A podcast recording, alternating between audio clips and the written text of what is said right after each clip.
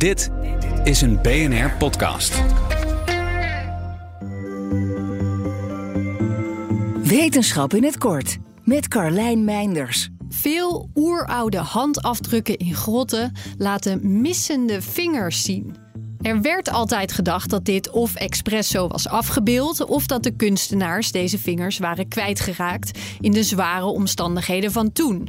Maar nu denken wetenschappers dat het nog wel eens anders zou kunnen zitten. Vermoedelijk waren de ontbrekende vingers onderdeel van een ritueel waarbij ze, nou ja, opzettelijk werden verwijderd.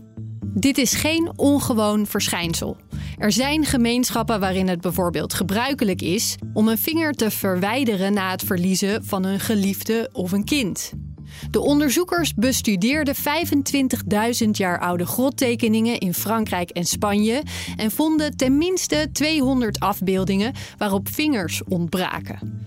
Het ging om zowel afdrukken als omtrekken van handen.